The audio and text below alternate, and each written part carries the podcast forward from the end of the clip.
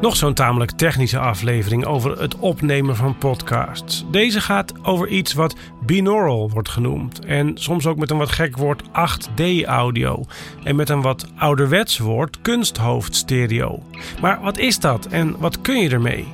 Dit is Kennisbank aflevering 36. Wat is binaural of 8D? Ik ben Hajo Magree. Is Tussen de Oren, de podcast over podcasting van NAP1. Wij maken audiocontent. Ik heb hier al eerder iets over verteld, maar laten we eerst nog heel even praten over het verschil tussen stereo en mono. Uit een gewone microfoon komt monogeluid, één kanaal. Als je dat ene kanaal afspeelt over een koptelefoon, over twee oorschelpen dus, of over speakers, twee speakers, dan komt uit de linkerspeaker of de linkeroorschelp en de rechteroorschelp precies hetzelfde signaal, even hard. Dan noem je het mono. Maar stereogeluid bestaat uit twee kanalen, links en rechts.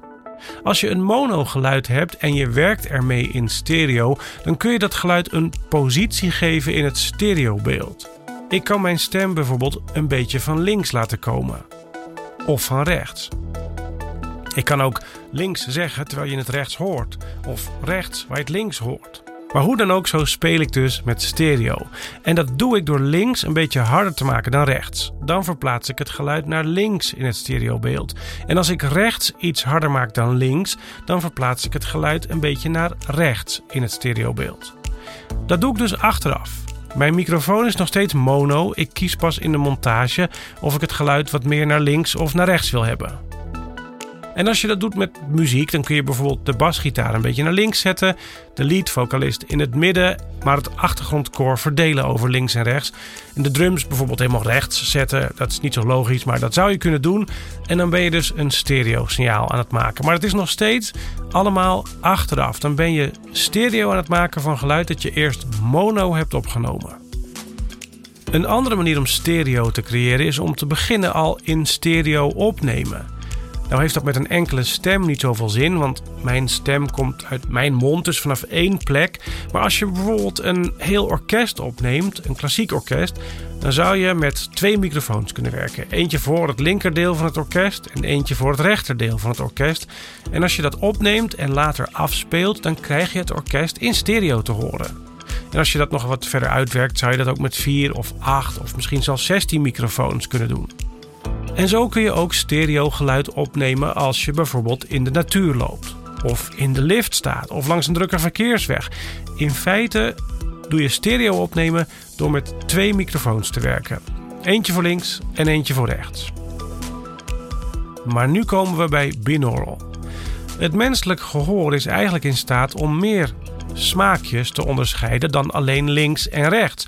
Het menselijke oor kan bijvoorbeeld ook horen of iets voor je is of achter je, boven je of onder je, veraf of dichtbij. En als we opnames proberen te maken die dat soort nuances ook vangen, dan gaan we bijvoorbeeld werken met binaural. Daarbij gaan we nog steeds uit van het principe van twee microfoons, want we hebben ook twee oren, maar we monteren die twee microfoons precies op de afstand die je ook aantreft tussen twee menselijke oren. En dan neem je met die microfoons het geluid al meer zo op zoals een mens het zou horen. Met hele subtiele verschillen in hoe lang het geluid erover doet om bij je linkeroor te komen of hoe lang het erover doet om bij je rechteroor te komen. Als je die microfoons dus precies op de juiste afstand zet, die zoveel mogelijk lijkt op de afstand tussen twee menselijke oren, dan wordt het stereobeeld al ruimtelijker, natuurgetrouwer. Maar wat je dan nog buiten beschouwing laat, is het feit dat er normaal gesproken ook echt een hoofd tussen die twee oren zit. En dat hoofd dat zorgt ervoor dat het geluid dat van rechts komt bijvoorbeeld iets doffer is dan wat direct van links komt. En het geluid moet ook om dat hoofd heen.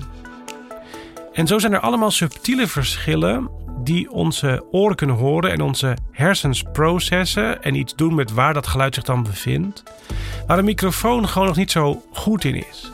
Wat je nu doet bij binaural opnemen is die microfoons op een hoofd plakken. Dat kan soms je eigen hoofd zijn. Je hebt microfoontjes die je letterlijk in je oren kunt doen. Maar soms neem je ook een etalagepop, een kunsthoofd. En daarom wordt binaural ook wel kunsthoofd stereo genoemd.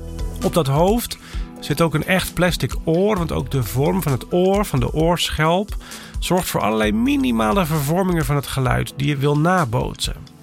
En als je dat zo doet, dan ben je wat beter in staat. Dat is nog niet perfect hoor, maar je bent wat beter in staat om geluid te produceren dat je werkelijk voor je, achter je, boven je en onder je kunt positioneren.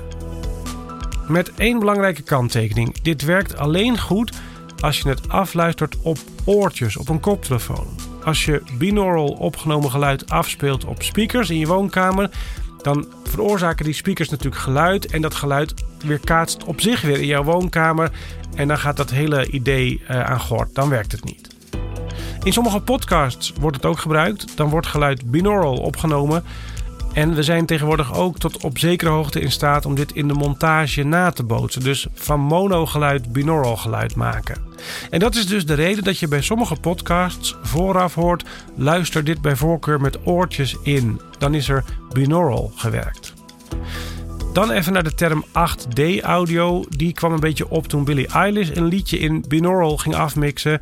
En toen werd daar de hippe term 8D-audio voor gebruikt. Maar het is in feite gewoon binaural. En misschien tot slot um, nog één waarschuwing om het niet te verwarren met iets anders. Als je gaat googlen op binaural, dan kom je al heel snel bij binaural beats. En dat zijn dan weer geen ritmes, maar het is speciale muziek met een soort van faseverschil tussen het linker en het rechteroor. Waar je rustig van zou worden of je goed bij zou kunnen concentreren, dat zeggen ze dan. En die maakt gebruik van binaural techniek. Maar binaural beats is iets anders dan binaural opnemen. Dat was het. Je kunt de informatie uit deze aflevering ook terugvinden in de podcast Kennisbank op onze website. Dit was Tussen de Oren van NAP1. Wij maken audiocontent. NAP1.nl